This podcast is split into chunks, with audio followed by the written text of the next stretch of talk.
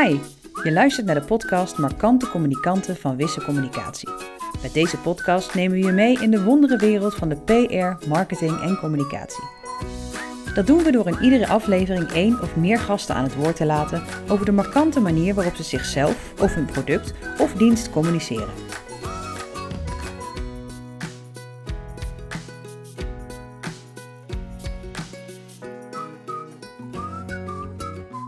Welkom bij een nieuwe aflevering van onze podcast Markante Communicanten. Voor de microfoon hebben wij onze nieuwe collega en oud ja, uitgever, journalist, eh, noem maar op, Remco Nieuwenbroek. Remco, van harte welkom. Goedemiddag Serge. Waar kunnen wij jou van kennen?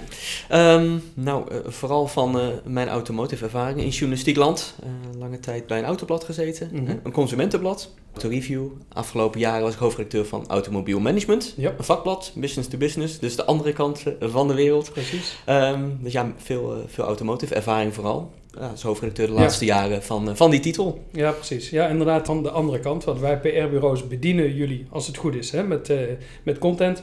Waarom hoor jij in de categorie markante communicanten? Nou, vooral omdat het maken van bladen uh, was vroeger heel wat anders dan het maken van bladen tegenwoordig. Ja. Het gaat om video, het gaat om events, het gaat om congressen, het gaat om zichtbaarheid, zichtbaar zijn Ja. naar je Ja. doelgroepen toe. En dat doe je niet alleen door een blad te maken. Uh, Nee. Al lang niet meer, juist niet meer eigenlijk. Dat is nog maar een deel van het werk. En dat is denk ik ook een beetje waar uh, nou, de wereld en de mediawereld naartoe zijn gegaan. Dat je veel meer inzet op uh, nou, brede communicatie. Naar je doelgroepen, naar je lezers. Um, en ook uiteindelijk naar uh, de, de klanten die je ook Ja. bedient vanuit, Ja. journalistieke, vanuit journalistiek oogpunt. Precies, ja. Uh, ik heb zelf ervaring bij een uh, uh, bedrijf waar jij ook hebt gewerkt natuurlijk. Hè? Heel lang geleden. Toen was het echt nog bladen maken als in bladen maken. De printedities en verder niks. Ja. Maar dat is behoorlijk veranderd. Uh, Ja. gaf je al aan, hè? Nou, Wat- wat dat betreft, die, die vergelijking met toen. Hè, we, hebben, we hebben een verleden allebei bij dezelfde uitgeverij in Nijmegen, FNL. Ja, Uh, dat was echt bladen maken. Uh, online, daar, daar gebeurde eigenlijk niks in Nee. die tijd. Maar goed, als je dat vergelijkt met nou, hoe de wereld er nu uitziet en vooral Mhm. hoe die vakbladenwereld eruit ziet. Papier is er nog steeds. Ja. En dat is ook nog steeds heel belangrijk. En daar kan je ook mooie dingen mee doen. Alleen het is nog maar een, een klein deel eigenlijk van het totale, de totale paraplu eigenlijk aan, uh, aan verschillende platforms, pijlers die je hebt. Mhm. Um, ja, dat is in vergelijking met 10, 15 jaar geleden natuurlijk echt heel erg Dat veranderd. en ja, dat is in vakbladenland nog meer veranderd natuurlijk, omdat je daar ook inzet op heel veel andere uh, zaken. Ja. ja, waar we het zo uh, uiteraard ook nog even verder over Ja. gaan hebben. Dus ja, papier is er nog steeds en dat blijft voorlopig ook nog wel, daar, daar geloof ik echt wel in. Alleen, uh, ja, het is, het is slechts één van de onderdelen om nou ja, je, je verhalen kwijt te kunnen. Precies, ja. Nou, in mijn tijd, je had daar de, de, de, degene die de planning deed, daar, je had iemand die advertenties verkocht en de rest zat, zat te schrijven. Hoe is dat veranderd? Hoe, hoe ziet het er nu uit, bladen maken? Nou, wat je nu heel erg veel ziet, en dat is uh, denk ik vooral in vakbladenland uh, uh, wel het geval, is dat die redacties over het algemeen redelijk klein zijn. maken echt gebruik van een flexibele schil van veel freelancers. Mm -hmm. In mijn geval bij Automobiel Management, ik was hoofdredacteur. Afgelopen jaren, ik had een redactiecoördinator. Die hield zich ook vooral bezig met het blad. Uh, ja. Uitzetten van de onderwerpen, de verhalen bij freelancers, uh, eindredactie. Uh, ik schreef zelf ook nog wel. alleen ja, ik had niet heel veel tijd om echt heel veel verhalen te schrijven. Ja. Dus die flexibele schil die is heel belangrijk geworden. Dat merk je bij heel veel vakbladen. Ja, daarnaast had je natuurlijk overkoepelend een, een uitgever bovenin. Die ja. wel meekeek, maar waarvan de rol eigenlijk redelijk, redelijk klein was. Um, nou ja, vanuit sales, de collega's die de advertenties uh, verkopen. Erg belangrijk, vooral ook steeds meer brand stories afgelopen jaren. Ja. Heb ik heel erg uh, gemerkt dat dat echt uh, nou ja, steeds groter wordt, ja. dat aandeel daarin. Ga daar eens een beetje dieper op in, die brand stories. Nou ja, goed, dat vooral eventjes een mooie vertaalslag maken naar automobiel management. Ja. In die tijd hadden we één thema per nummer. Nou, dat, dat, kan van alles zijn. elektrificatie van bestelauto's, occasion verkoop, mobility as a service. Dus ja. allerlei ja. uh, onderwerpen op het gebied van mobiliteit en uh, vooral met de nadruk op automotive. Um, en eigenlijk het laatste katern van het blad, daar staan de brand stories. En die worden ook zo aangekondigd als brand story. Dus ja. de lezer weet waar hij aan toe is. Uh, dus de commerciële verhalen eigenlijk, de editorials, die staan achterin. Um, ja, en daar werd nog steeds echt goed op verkocht. Ook in, ja. in deze tijd. Uh, die verhalen werden uiteraard ook doorgezet als het blad uit was naar online. Uh, maar veel partijen, uh, helemaal in, in automotive land, vonden dat echt interessant om daar nog steeds in mee te gaan. Ja. Um, en was dat echt, wij zijn WC Eend, koop WC Eend, of was het ook journalistiek verantwoord? Nou, we, we, hebben wel bewust altijd gezegd, wij schrijven ze niet zelf. We hebben een, een, een pool met freelancers die die verhalen maken. eh, om ook te voorkomen dat je conflicteert met je eigen journalistieke verhalen. Of met, uh, uh, nou ja, als je een interview doet op camera bijvoorbeeld met een bepaalde partij die ook in je, in je blad staat met een, uh, mm-hmm. met een brandstory, ja, dat is niet handig. Ja. Um, dus we hebben er altijd wel voor gekozen om een journalistieke invalshoek te nemen, journalistieke insteek. We hebben daar ook in die tijd hadden we daar goede freelancers op zitten die de wereld goed kenden. Um, maar goed, het is wel uiteindelijk een, een samenspel tussen klant en freelance journalist die ja. de brandstory schrijft, hoe dat er uiteindelijk uitkomt te zien.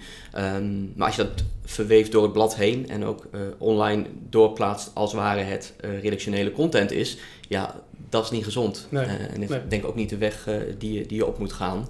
Dus dat, ja, dat is inderdaad wel een manier. En daar zit veel inkomsten op nog steeds. Ja. Zelfs anno 2022 zitten we inmiddels.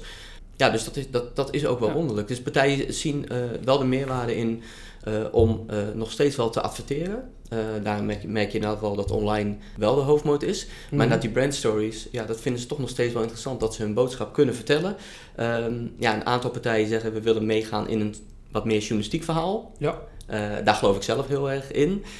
Um, ja, sommige partijen zeggen ja, we willen gewoon zeggen wat we doen. Mhm. En, en punt. Ja, dat kan ook. Ja. Um, Ja. Alleen uiteindelijk de waarde die, uh, uh, die de boodschap kondigt, zeg maar, die je vertelt ja, dat is uiteindelijk denk ik wel uh, een, een, hele belangrijke. En nou goed, dat is ook waar we het in het tweede gedeelte van het gesprek over gaan hebben. Van Ja. nou, hoe kijk ik nou naar het, Precies. het PR-vak? Uh, hoe zie ik inderdaad de, de kansen daarvoor ook vanuit mijn achtergrond? Ja. Nou goed, alvast als voorproefje op zo meteen. Ik denk dat inhoud eh, daarin een leading is. Ja. om uiteindelijk nou, bij zo'n breed mogelijk publiek eh, je verhaal kwijt te kunnen. Helemaal met je eens. Ja, want daar eh, hebben wij ons bedrijf rond eh, gebouwd natuurlijk. Ook nog even terug naar het bladen maken. Hè? Want eh, wat ik al zei, in mijn tijd was het eh, ehm, inplannen met een heel groot Excel-sheet voor alle nummers. Ik vind het heel interessant om van jou eens te horen hoe dat nou echt eigenlijk chronologisch in zijn werk gaat. Van wat Mhm. komt er allemaal bij kijken? Want onze klanten die vragen wel eens van kunnen wij dan en dan dit en dit plaatsen? Nou, dat is van heel veel dingen afhankelijk. Ja, ja. Hoe ging dat eh, in Nou zijn ja, werk? de, de planning, en die was eigenlijk eind van het jaar, altijd voor het jaar erop, was die rond. Die hing in, in mijn eh, tijd bij automobielmanagement voor een groot deel vast aan de events die we door het jaar heen deden. Dus Mhm. die waren gekoppeld aan een aantal thema's. Ja. Eh, nou, dat gaat onder andere over eh, eh, bestelauto's, dat gaat over occasionverkoop, dat gaat over fleet, dus Ja. de bredere fleetmarkt. En daaromheen heb je eigenlijk door het jaar, eh, elk, elke maand kwam het blad uit, heb je een thema dat eigenlijk gekoppeld is in aanloop naar een event aan dat het thema, zowel in het blad als nou, wat we tijdens dat event gingen doen. Mhm. Um, dus daarom kon je eigenlijk al heel erg goed naar je doelgroepen, uh, naar klanten zeggen van, nou ja, in april of mei zijn we volop met het thema bezig voor het event in juni. Ja, Dus dat Ja. is voor jou het moment om te communiceren over precies. wat je doet. Ja. Ja, goed, en daarin een goede planning maken door het hele jaar heen, die logisch is, uh, die ook wel flexibel is, waar Precies. je af en toe ervoor kan kiezen van ja, de ontwikkelingen zijn nu toch eventjes net wat anders dan we hadden verwacht. Ja. Uh, we pakken er een tweede thema bij of we passen het thema aan. Mhm. Nou ja, goed, dat, dat, dat moet je altijd blijven doen. Alleen je moet wel die basis aan het begin van het jaar hebben, zodat helemaal in vakbladenland uh, partijen weten wat ze kunnen verwachten, Precies. wanneer ze bij je kunnen aankloppen en ook wanneer ze voor zichzelf uh, wat eruit kunnen halen. Mhm. Hè? Een boodschap verkondigen op het moment dat het ter zake doet. Ja. Uh, ja, dat is heel belangrijk. Ja. En daar is een planning heilig bij. Ja, nou ja, in mijn ervaring, ik heb een aantal keer een leuk artikel geschreven en toen kwam de man van de sales en die zei, ja sorry, jouw artikel verdwijnt, want we hebben hier een spread en die leveren ons 1000 euro op, Mhm. weg artikel. Zo werkt het natuurlijk ook. Ja, nou dat is altijd de, de, de balans ook een beetje tussen aan de ene kant commercie en aan de andere kant uh, journalistiek werk. En dat is natuurlijk ook iets waar we uh, nou, in vakbladenland tegenaan lopen. Je hebt aan de ene kant natuurlijk de media. Mhm. Uh, nou goed, en die, die doen op een bepaalde manier iets. Dat is heel goed. Alleen je hebt inderdaad een vakbladenland continu te maken met een branche. En met Ja. partijen die zich erin bewegen. Je hebt er een bepaalde rol in. Je bent het lang niet altijd met iedereen eens. Maar je komt elkaar altijd weer tegen. Ja. Uh, en dat is wel een soort uh, balans die je moet vinden uiteindelijk om met elkaar verder te komen in die markt. Uiteindelijk wil je iets betekenen voor een bepaalde branche, daarom ben je een Mhm. vakblad. Je wil die branches op weg helpen naar een volgende stap, naar de toekomst. Ontwikkelingen inderdaad die er zijn, zorgen dat een branche daarin meegaat, Ja. zodat ze kunnen overleven uiteindelijk. Dus zij zien ook wel door van we hebben elkaar nodig. En inderdaad, de afweging die je daarin moet maken is inderdaad hoe ver ga je daarin mee. En bepaalde partijen zijn super relevant, uh, daar schrijf je over. In mijn geval, Ja. daar schreef je over. Precies. En die betalen nooit één stuiver. Ja. En andere partijen die hebben daar wel wat voor over. Alleen ja, de manier hoe je dat verpakt, dat is het uiteindelijk het belangrijkste. En ik heb er altijd wel voor mezelf, eh, eh, ben ik er altijd wel scherp op geweest. Dat ik dacht, en ik wil nooit dat een redactioneel goed verhaal verdwijnt omdat er een concurrent plotseling met een advertentie komt of met een brandstory. En dat kan eh, uiteindelijk complementair zijn aan elkaar. Dat Mhm. kan je doen. Je kan ervoor kiezen om inderdaad, nou, waar we het net over hadden, eh, het zuiver te houden. Dat je Ja. zegt, je kan je boodschap kwijt, maar dat is in een bepaald katern of op Mhm. een bepaalde manier. Maar uiteindelijk moet je wel zorgen dat het ook eh, journalistiek en redactioneel verantwoord is. En niet eh, nou, wie, be- wie betaalt, bepaalt ook hoe Nee, zo'n blad eruit komt te zien. Want ik vind uiteindelijk nog steeds de, de basis van ook een vakblad is journalistiek. Ja. En daar moet je inderdaad, eh, ja, daar moet je gewoon wel zuiver handelen. Mhm. En ik denk uiteindelijk ook dat het ten koste gaat van je titel. Eh, en het succes op den duur als je inderdaad daar te veel in meegaat. Ik. Tuurlijk, er moet geld verdiend worden en je hebt die partijen nodig en ze hebben jou nodig. Maar ik denk dat dat op een gezonde manier uiteindelijk ook eh, goed eh, bij elkaar kan bestaan. Ja. En dat is, het, dat is natuurlijk het grote verschil met een, nou, een, een landelijk dagblad of ik noem maar een, Zembla die één keer ergens diep induiken. Ja, Eh, en daarna zijn ze er weer klaar mee en dan gaan ze weer over tot de orde van de dag, tot andere onderwerpen. Ja, zo werkt het in vakbladenland uiteindelijk niet. Nee. En dat, dat hoeft ook niet. Eh, alleen dan moet je wel eh, voor jezelf A scherp op zijn. En B, je moet daar wel een bepaalde balans in vinden. Mhm. Ehm, en ook af en toe zeggen, ja, maar dit gaan we niet doen. Ja. Klaar. Oké. Prima, het kan. Maar dan, je kan een advertentie afnemen, je kan een, een brandstory afnemen. Maar uiteindelijk, ja, ik, ik sta er met mijn gezicht ook bij. Eh, Ja. Ik ben zichtbaar in de markt. Ik was zichtbaar in de markt. Eh, ik sta op een podium congressen te presenteren over bepaalde thema's. Ik stond met mijn kop op de video tijdens de twee wekelijkse uitzendingen. Dus dan moet je Uiteindelijk- zijn. Nou ja, absoluut. Ja. Eh, anders Ja. krijg je dat uiteindelijk altijd terug. En dat is inderdaad in, in vakbladenland ook een, uiteindelijk Mhm. een conclusie die je echt wel kan trekken. Ehm, als je met, een, met een bepaalde partij in zee gaat en de andere partij eh, die, die, het conflicteert met wat die andere partij wil, of het is een concurrent, ja, uiteindelijk is dat voor jezelf eh, is dat niet goed. Ja. Dus je moet daar inderdaad wel duidelijk over zijn. Ja, helder. En eh, Remco, naast deze zeg maar, ethische overwegingen zijn er natuurlijk ook nog andere ja, factoren die bepalen of jij opgenomen wordt in een vakblad of niet. Hè? Aanleverdatum, schrijfstijl, relevantie. hè? Wat, Ja. wat kun je daarover Nou vertellen? ja, wat wij heel weinig eh, eh, deden, eh, was inderdaad ingezonde artikelen. We hadden af en toe wel dat we bepaalde partijen, bij bepaalde partijen aanklopten, omdat we dachten, dit is relevant. We weten dat ze kunnen schrijven, of we weten dat daar iemand zit die dat zou kunnen. ja, Bedrijven, partijen iets opstuurden van, is dit voor jullie interessant? Online een persberichtje een keer natuurlijk, vulletje, Ja. dat, dat is prima. Ja. Alleen voor langere content, dat deden we eigenlijk nooit. En daar ben ik ook niet zo'n voorstander van. Wel als je vanuit de redactie zegt, we hebben een eh, interessant persoon en die eh, kan daar goed over vertellen. ja. Eh, en die kan het goed opschrijven. Hè, dat werkt op de andere manier uiteindelijk. Dan komt het idee en de insteek vanuit ons, Mhm. vanuit de redactie. ja. Dat is goed. Alleen echt ingezonde verhalen, dat hebben we eigenlijk nooit gedaan. oké. Dus PR-bureaus hadden weinig nut voor jou. Nou, eh, wat ik zei, af en toe voor een persberichtje Ja, eh, op de website ja, prima. Een vullertje. Eh, noemde af en toe het. om Ja. inderdaad met elkaar eventjes eh, te sparren over onderwerpen, dat heel erg. En daar zie ik ook vooral eh, de meerwaarde.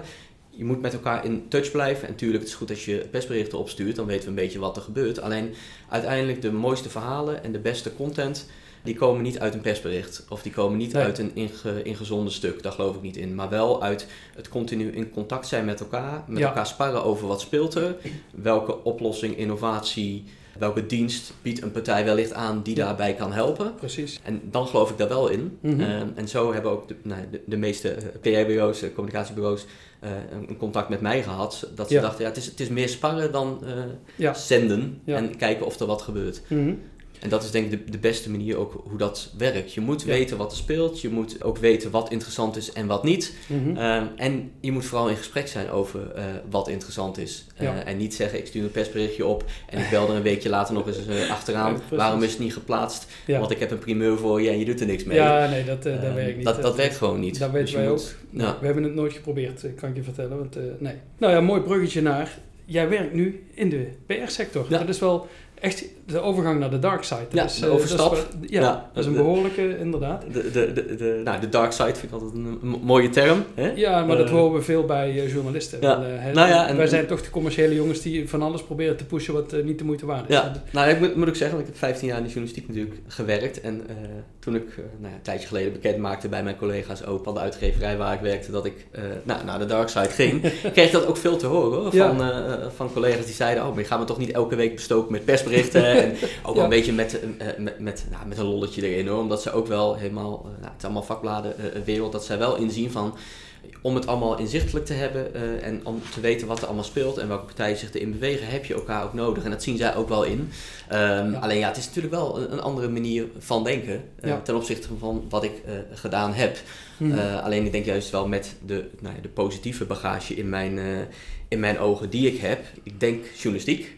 Ja, Ik ben bezig met, met nieuws, met content.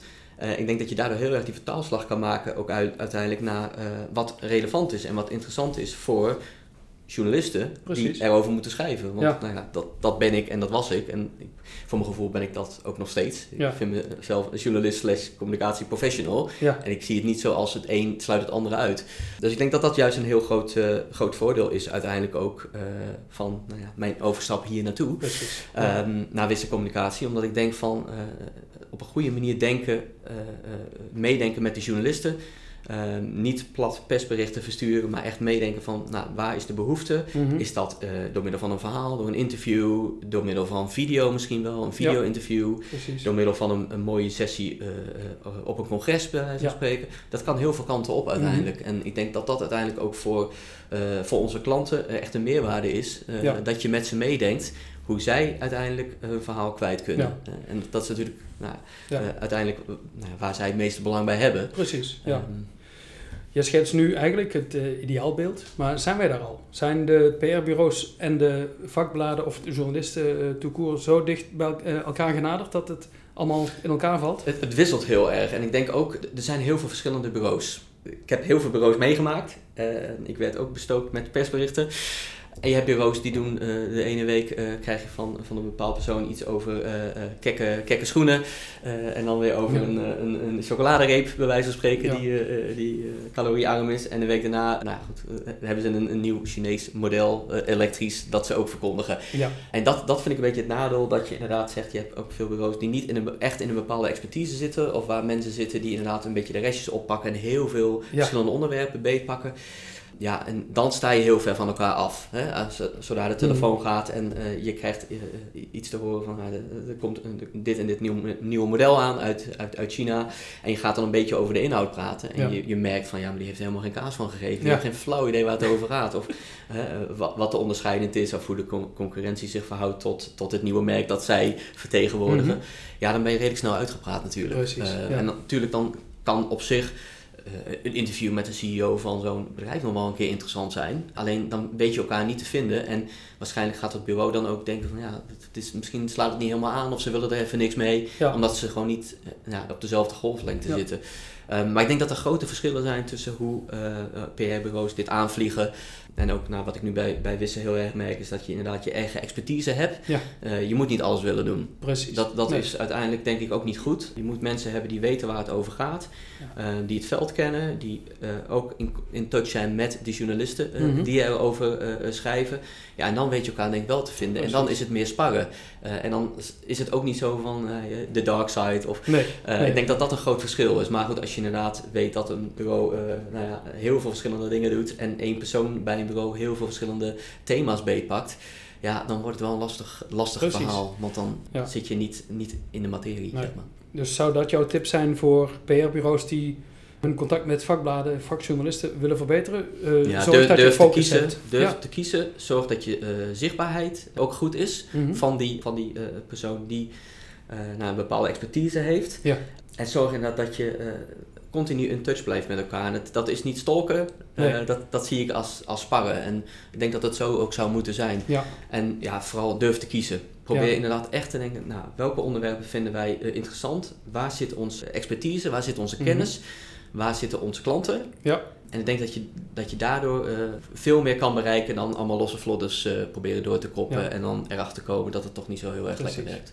En andersom, wat uh, zou je tip zijn voor vakbladjournalisten om die connectie met de PR-bureaus te verbeteren? Ja, ik denk wel vooral dat, uh, dat merkte ik in mijn eerste periode, periode ook wel een beetje. Dat ik dacht, oh, er komt wel heel veel binnen en je bent wel druk met je dagelijkse gang van zaken. Ja. En met je deadlines, met je, met je bladen, met online, met je uitzendingen, met je events onderzoeken, congressen. We deden er heel veel bij in die tijd. Waardoor je inderdaad af en toe naar die bureaus een beetje links laat liggen. Ja. Terwijl het echt wel heel handig kan zijn om bij bepaalde bureaus waarvan je denkt, nou, hier heb ik echt wat aan, om af en toe gewoon even te babbelen. Precies. En niet zozeer van, ja, heb je een bepaalde klant eh, eh, die daar wat over kan zeggen, maar meer wat zien jullie gebeuren en Ja. wat horen jullie terug. En ik denk dat dat voor nou, een aantal journalisten, ook in vakbladenland eh, met name, eh, ja, nog wel een tip is van, je hoeft daar niet altijd wat mee te doen, Mhm. absoluut niet, maar ik denk wel dat het je heel veel kan opleveren en dat je er daardoor wel voor kan zorgen dat je nou, vooraan in de rij kan staan op het moment dat er echt eh, dingen gebeuren. Of als je denkt, ik wil echt een onderwerp nu beetpakken of er speelt iets eh, groots eh, en ik wil zo'n partij daarin meenemen. Ja. Of zo'n partij erin ondervragen, dat je dan wel met één been al binnen bent door wat je nou, de maanden daarvoor of misschien wel de jaren daarvoor hebt gedaan. En dat is ook een beetje aan de ene kant gunning, dat is ook vanuit die bedrijven en slash bureaus. Dus we, we weten dat eh, waar ze het over gaan hebben, dat ze het op een goede manier aanvliegen. Precies. En we Ja. durven het aan Ja. om daarop te reageren. Ook als het niet per se positief is. Ja. Want dat kan natuurlijk ook. En ik denk dat dat voor eh, nou, ook de journalistieke kant van het, van het verhaal en voor mijn oud-collega's, als je ze zo mag noemen, eh loop daar niet voor weg. Want het kan je echt heel veel opleveren als je het op een goede manier doet. Ik ben nog heel benieuwd, als laatste thema eigenlijk, jouw, jouw sector, mobiliteit. hè, Mhm. Dat was eigenlijk automotive, maar ja, wij hebben het hier breder getrokken. Mobility, dat is een van de thema's waar wij al jaren in zitten en daar zit zoveel groei in en zoveel mogelijkheden. Wat zijn jouw eh, speerpunten? Hè? Eh, Vanuit jouw vakbladverleden, maar ook vanuit Wissen. Waar zou jij op willen inzetten? Wat Ja. gebeurt er? Nou ja, goed. eh, dat was eigenlijk ook toen wij voor het eerst met elkaar in gesprek kwamen. Automotive bestaat eigenlijk niet meer. Nee. Ehm, dat is een, tuurlijk, hè, vanuit het verleden is het een logische keuze, maar bredere mobiliteit, daar gaat het om. Hoe gaan we in de toekomst van A naar B? En dat, Ja. eh, of dat nou met een auto is of op een andere manier, daar gaat het uiteindelijk om. Ehm, en ik denk dat eh, de veranderingen die er nu aankomen, die zijn, eh, die zijn al ingezet. Eh, er zijn natuurlijk al heel veel ontwikkelingen op het gebied van bijvoorbeeld elektrische mobiliteit, op het gebied van mobility as a service. Ja. Alleen het is pas net begonnen. Ja. En ik denk dat daar zulke grote veranderingen uiteindelijk in gaan optreden. Ehm, en er zijn heel veel partijen inderdaad die daar een, een rol of een rolletje in hebben. Ehm, Mhm. Ook een aantal partijen die in de toekomst geen rol meer in hebben. Ja. Ehm, maar je moet, nu wel ga- je moet nu gaan schakelen. Maar welke veranderingen kun je het iets concreter maken? Wat, wat zie je? Ja, ik denk dat eh, deelmobiliteit, dat is nu heel klein. Ja. Eh, maar dat gaat, dat gaat ont- ontzettend toenemen. Dat kan niet anders. Vooral met de generaties die er nu aan zitten te komen. Ja. Ehm, niet iedereen hoeft meer een auto en helemaal Nee. niet in de steden. Ehm, je ziet dat, dat er nu nog ja, niet heel veel gebeurt. En dat die deelauto's nog nou, voor een groot deel van de tijd ook, ook stilstaan. Ja. Eh, maar dat is over 10 of 20 jaar echt anders, dat weet ik zeker. Eh, nou ja, goed, we zitten natuurlijk met al onze, al onze zones en eh, CO2-doelstellingen. Dus elektrisch rijden gaat Mhm. ook voor het grote publiek eh, echt wel doorbreken. Nou, er zijn natuurlijk afgelopen jaren zijn al flinke stappen ingemaakt. Maar ja, doe je iets op het gebied van benzine of, of, of dieselauto's? zeggen, nieuwe brandstoffen. Ja. Precies, je moet daar wel in mee. En dat zie je dat. nou, ik heb ook nog wat ervaring op het gebied van oliemaatschappijen tankstations. Daar heb ik ook Mhm. voor een vakblad jarenlang geschreven. Nou ja, als je nu nog niet eh, met alternatieve brandstoffen en met laadpalen aan de slag bent gegaan, ben je toch wel rijkelijk laat. de boot. Ja. Ja, dus dat zijn inderdaad wel dingen waar je op in moet zetten. Dus vooral de, de stappen naar de toekomst toe, waarin we waarschijnlijk niet allemaal meer een auto hebben, waarin nou, de brandstoffen er anders gaan uitzien, Ja. waarin we meer gaan laden, waarin slimme IT, eh, slimme apps misschien wel eh, nou ja, de manier zijn om van A naar B te komen. Je kijkt op je telefoon op basis van waar je naartoe wil, waar je bent, welk moment, Mhm. eh, wat, je, wat je beste vervoersmiddel is en wat het gaat kosten. Ja. daar gaat het naartoe. En ik denk dat je daar heel erg naar moet kijken. En, eh, automotive, mobiliteit, eh, IT, innovatie, duurzaamheid. Ja, dat, dat valt eigenlijk allemaal in, in, onder, onder één grote paraplu in de toekomst. En ik denk dat je Ja. daar heel erg je ogen voor moet openen. En dat zou ook inderdaad mijn advies zijn aan bedrijven die nou ja, een rol hebben in deze wereld van mobiliteit en automotive. Ga echt eventjes uit je eigen wereld. En het is natuurlijk eh, in een wat conservatieve branche is dat eh, best wel lastig. Maar eh, als je dat niet doet, ja, dan ga je het niet redden. Dan ben je uiteindelijk, denk ik, over vijf of tien of twintig jaar ja, niet meer waar je nu denkt dat je, dat je zal zijn. En Precies. ik denk dat dat heel belangrijk is. Open echt je ogen voor, voor een bredere wereld en voor innovatie. En ga er echt in mee en probeer ook daar over te vertellen. Van hoe zie je dat dan? En wat, wat mis je? En ga niet afwachten. Nee, precies. De vakbladen hebben het eh, vrij lastig gehad, hè? zeker in coronatijd. Nou ja, er zijn eh, behoorlijk wat uitdagingen geweest voor een blad dat alleen in print verschijnt. Gaan vakbladen verdwijnen? Nou, er, er gaan wel vakbladen verdwijnen, dat Mhm. sowieso. Je merkt inderdaad in coronatijd wel dat veel vakbladen inderdaad het heel zwaar hadden. Hè? Veel vakbladen organiseren events, congressen. die gingen allemaal niet door. Ja. vakbeurzen werden natuurlijk allemaal geschrapt. Dus partijen die daar niet echt een antwoord op hadden en die dachten, nou, we, we blijven ons papieren blad maken en de website die daar uh, vaak bij hoort, mm ja, die hebben natuurlijk ontzettend veel inkomsten gemist uiteindelijk. Wat je inderdaad ook veel zag, was partijen die toch naar, naar een digitaal alternatief op zoek gingen. En uh, dat kan een digitaal e-, event kon dat zijn, of een soort ronde tafel die uitgezonden werd. Ja, ik denk dat, dat dat een aantal uitgeverijen in Nederland op vakbladengebied wel hebben laten zien dat ze uh, flexibel zijn. En dat ze gewoon dachten, nou, we, moeten wat. We kunnen niet, hoe, nou, we weten niet hoe lang het duurt, we kunnen niet niks doen. Ja, en je merkt wel dat, dat die uh, uitgeverijen het afgelopen twee jaar best goed hebben gedaan. Dus ja, ik denk wel dat dat een, een belangrijke is. Dat je, ja, je, je kan niet alleen nog een, een, een boekje maken en een, en een website. Je moet echt inspelen op, op video, uh, op inderdaad de digitale oplossingen. Zorgen dat je Precies. je klanten, je lezers ook online bereikt. Ja, ja als je dat niet doet, uh, ja, dan kan je het misschien... Corona is nou hopelijk nu weer een beetje voorbij. Er, er staan weer wat, wat beurzen gepland komende mm. tijd. Ehm, dus weer inkomsten. Alleen als je inderdaad na de afgelopen twee jaar dit niet je ogen geopend heeft, uh, ja. ja. dan denk ik niet dat je er over vijf of tien jaar nog bent. Nou ja, wat je inderdaad afgelopen, uh, uh, nou ja, vooral anderhalf jaar ook heel erg hebt gezien, is dat partijen die het zwaar hebben, ja, overgenomen worden door de grote jongens. Wat ja. aan zich begrijpelijk is, omdat ze inkomsten missen. Ze denken, nou, ik moet toch nog een, een enigszins mijn pensioen veiligstellen. Mm -hmm. um, alleen het is geen gezonde situatie natuurlijk. Maar, je ziet gewoon dat die grote partijen en die grote vakbladen uitgeverijen steeds groter worden, waardoor er bijna geen concurrentie meer is. Uh, om de boel scherp te houden. En ja, dat, is, dat is heel erg zondig. Ja, dus ik denk uiteindelijk inderdaad wel dat uh, uh, je moet erin mee, je moet flexibel zijn, je moet proberen niet alleen zichtbaar te zijn, nou, wat ik zei, online en papier. En durven. Durf jezelf te laten zien, durf dingen te doen, durf te ondernemen. En dan denk ik dat je een hele goede kans hebt om nou ja, ook een toekomst in vakbladenland te hebben. Ja, um, maar je moet, ja, je moet niet op je rug gaan liggen en denken, ja, sorry, maar corona is er en ik heb geen inkomsten. Nee. Je moet echt flexibel zijn en handelen durf gewoon initiatief te, te nemen en durf wat te doen. Um, en de ene keer pakt het beter uit dan de andere keer. Maar ik denk, mm -hmm. zichtbaarheid wordt beloond uiteindelijk. En, en durf en, en creativiteit ook. Ja.